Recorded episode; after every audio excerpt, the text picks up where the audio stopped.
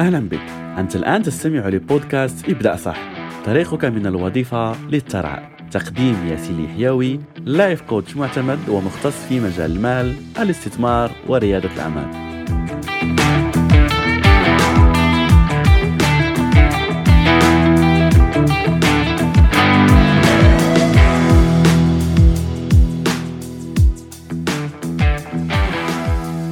السلام عليكم ورحمة الله تعالى وبركاته. مرحبا بك من جديد. وصلنا الحمد لله الحلقة التاسعة من بودكاست ابدأ صح. ولا زلنا يعني نتكلم عن العديد من المفاهيم منها مفاهيم داخلية وكذلك يعني تطبيقات حول موضوع الوفرة والوصول للحرية المالية. وحلقتنا اليوم يعني ستكون إن شاء الله حلقة مفيدة لأن فيها موضوع فيه العديد من الأكاذيب العديد من التخاريف والعديد يعني من الشائعات اللي هو موضوع الاستثمار. لأنه للأسف أغلب الناس يخافون من الاستثمار وللأسف كذلك على أن أغلب هاد الناس ليس لديهم أي فكرة عن هذا الموضوع. وهذا يعني ليس عيب. أتذكر قصتي في هذا المجال. كان عندي نفس الفكرة عنه على أنه مجال غريب مجال صعب آه، مجال ممكن يدخل له فقط الأشخاص ممكن اللي يشتغلون في وول ستريت في أمريكا والأشخاص يعني اللي دارسين فيه ماجستير إلى غيرها. لغاية ما اكتشفت أنه حتى الأشخاص اللي درسوا يعني في الاقتصاد واللي هذا تخصصهم يعني لا يقومون بالاستثمار وليس لديهم كذلك أي فكرة عنه. فبدأت أتساءل لماذا؟ خصوصا يعني أتذكر على أن كان لما تأتي فترة الأخبار الاقتصادية اللي يتكلموا فيها عن الأسهم وعن الأخبار الاقتصادية فكنت دائما ما أغير القناة لأنها لا أعرف أي شيء وبالنسبة لي كانت هذه كلغة صينية يعني لغة غريبة بالنسبة لي. فلما بحثت على الأسباب آه، كما ذكرت لك في الحلقة السابقة وجدت على أنه البنك من مصلحته أنك تترك الأموال عنده. ليس من مصلحة البنك على أنك تبدأ الاستثمار لأنه لو كل الأشخاص قاموا بالاستثمار هذا يعني على أنه البنك لن يبقى فيه مال وبالتالي هذه المؤسسة ستقوم يعني بالإفلاس. هذا من جهة. من جهة ثانية هناك العديد من المؤسسات التي تقول للناس ارسلي لي الأموال ولا أعطوني الأموال لكي أستثمرها بدلكم. وهذه نصيحة أخوية لا تقم أبدا أبدا بهذا الأمر.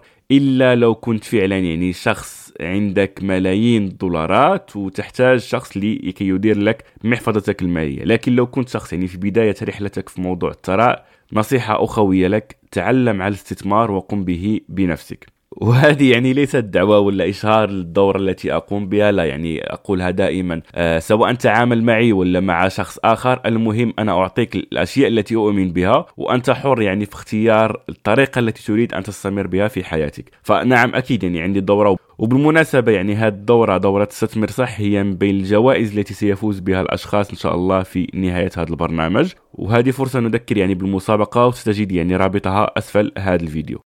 فخلينا نكمل يعني الأفكار فعلا المنتشرة عن هذا الموضوع تخليك تبتعد وتخليك على أنه آه، تسمع فقط على أنه الناس تضيع أموالها على أنه هناك نصابين وهناك العديد من المشاكل في هذا المجال.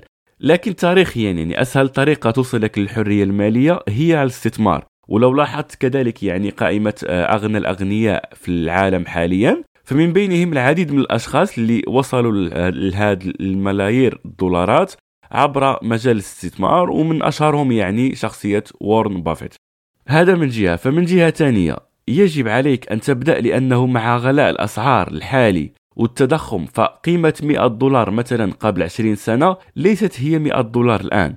100 دولار قبل 20 سنة لو تركتها في البنك طيلة هذه المدة فحاليا قيمتها الحقيقية تساوي فقط 60 دولار يعني الشيء اللي كان ممكن تشتريه ب 100 دولار قبل 20 سنة آه، في هذا الوقت لن تستطيع أن تشتريه بهذه القيمة لأن الأسعار ارتفعت. وكذلك مع التضخم المالي والأزمات المالية يعني اللي مرت فموضوع أنك تترك المال في البنك فقيمته يعني تقل وهذا ليس في مصلحتك. فخليني أقول لك على أنه هناك كذلك أكذوبة على أنه هذا المجال غير آمن ومجال كما ذكرنا فيه نصب. فالسؤال هل مجال الطب مثلا مجال ما ليس فيه نصابين؟ أكيد فيه نصابين. هل مجال التدريس آه، مجال آمن وليس فيه نصابين. أكيد فيه نصابين. هل على أنك تدخل مدرسة هندسة ولا يعني كلية طب؟ هل هذا آمن وتضمن على أنك ستقوم بالنجاح فيه وتضمن على أنك ستحصل فيه على عمل؟ أكيد لا. فكل المجالات في العالم فيها شوية risk. لكن ال risk يقل مع التعلم. لهذا نصحتك وأنصحك دائما على أنك تتعلم وهذا الهدف من هذا البرنامج على أني أوضح لك هذه الأمور ومن بينها حلقة هذا اليوم. طيب فتكلمنا على أنه okay لازم أبدأ الاستثمار فكيف أربح من الاستثمار؟ فللربح من مجال الاستثمار هناك طريقتين. أول طريقة وهي أسهل طريقة هي على أنك تشتري أسهم وأسهم تكون شركات كبيرة وتربح منها ما يسمى بال dividends أو تقسيم الأرباح. خلينا نأخذ مثال.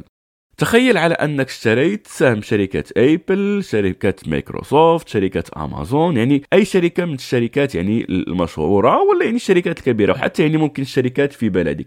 فهاد الشركات وكتبسيط للشرح ممكن الشرح فيه شوية يعني تفاصيل لكن لكي ابسط عليك الأمور هاد الشركات لكي تشكرك على أنك اشتريت هاد السهم واحتفظت به معها لأنه عندما تشتري في السهم فهذا يعني على أنك تستثمر في هذه الشركة وعلى أنك اعطيتهم مال هذا المال هم يأخذوه لكي يوظفوه. يعني هذا المال لا يبقى في البورصة هذا المال تأخذه الشركات لكي توظفه لكي ممكن تستثمر أكثر في المشاريع اللي عندها تطور منتوجاتها إلى غيرها. فلكي تشكرك على أنك اشتريت هذه الأسهم وساعدتها يعني في تقوية شركتها ولا تطوير شركتها بشكل أكبر وأكبر. فهي تقسم معك الأرباح كشكر. ممكن بعض الشركات تقوم بهذا سنويا يعني مرة في السنة. ممكن بعض الشركات مرة كل ثلاث أشهر مرة كل أربعة أشهر. وهناك بعض الشركات لا تقوم به. فدورك على أنك تبحث عن الشركات التي تقوم به. والتي تعطي جوائز ولا مكافآت مربحة ومكافآت جيدة يعني ليس واحد دولار ولا لا تعطي يعني نسب جيدة okay؟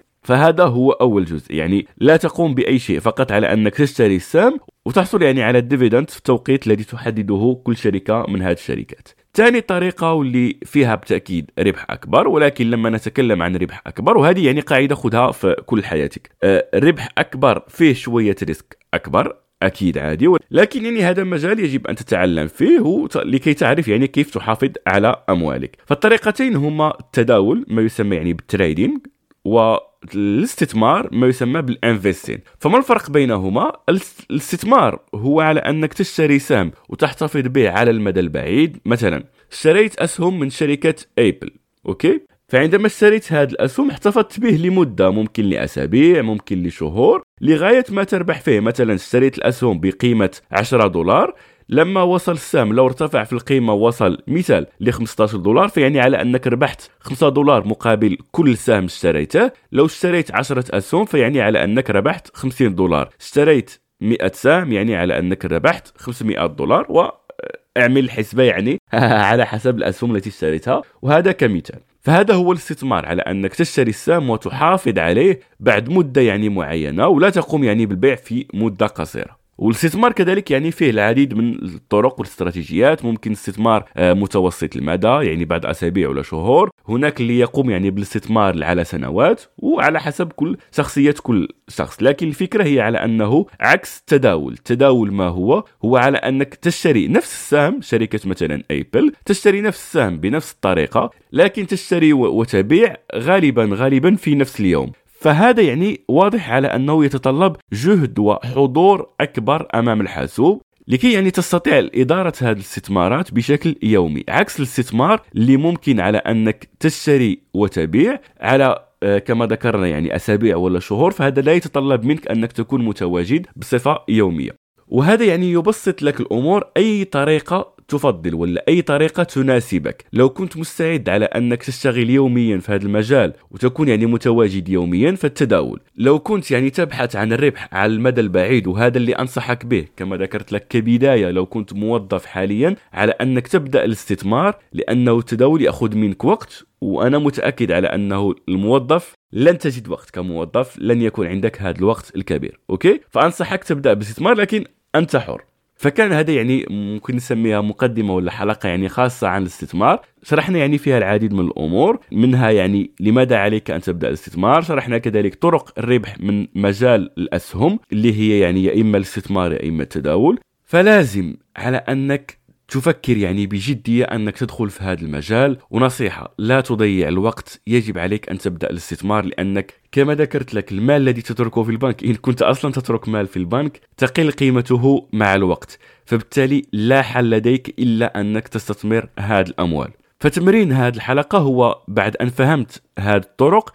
اجلس مع نفسك واسأل نفسك ما هي أفضل طريقة أبدأ بها الآن وكيف ممكن أبدأ؟ وجاوب على هذه الأسئلة هل الاستثمار أفضل بالنسبة لك؟ هل التداول أفضل بالنسبة لك؟ واسأل نفسك كذلك يعني ما هي الطرق اللي ممكن تتعلم فيها أكثر عن هذا المجال؟ وابحث وسنتطرق يعني لتفاصيل أخرى في الحلقات القادمة لكن قبل أن ننتقل إليها خليني أطلب منك على أنك تشارك هذه الحلقة مع كل أصدقائك لكي توعيهم بأهمية الاستثمار وكذلك يعني يبدأوا يتثقفون في موضوع الاستثمار وفي موضوع المال لأن هذا الموضوع جد جد مهم في حياة كل شخص يبحث عن الحرية المالية. وأراك غدا في حلقة جديدة من بودكاست إبدأ صح.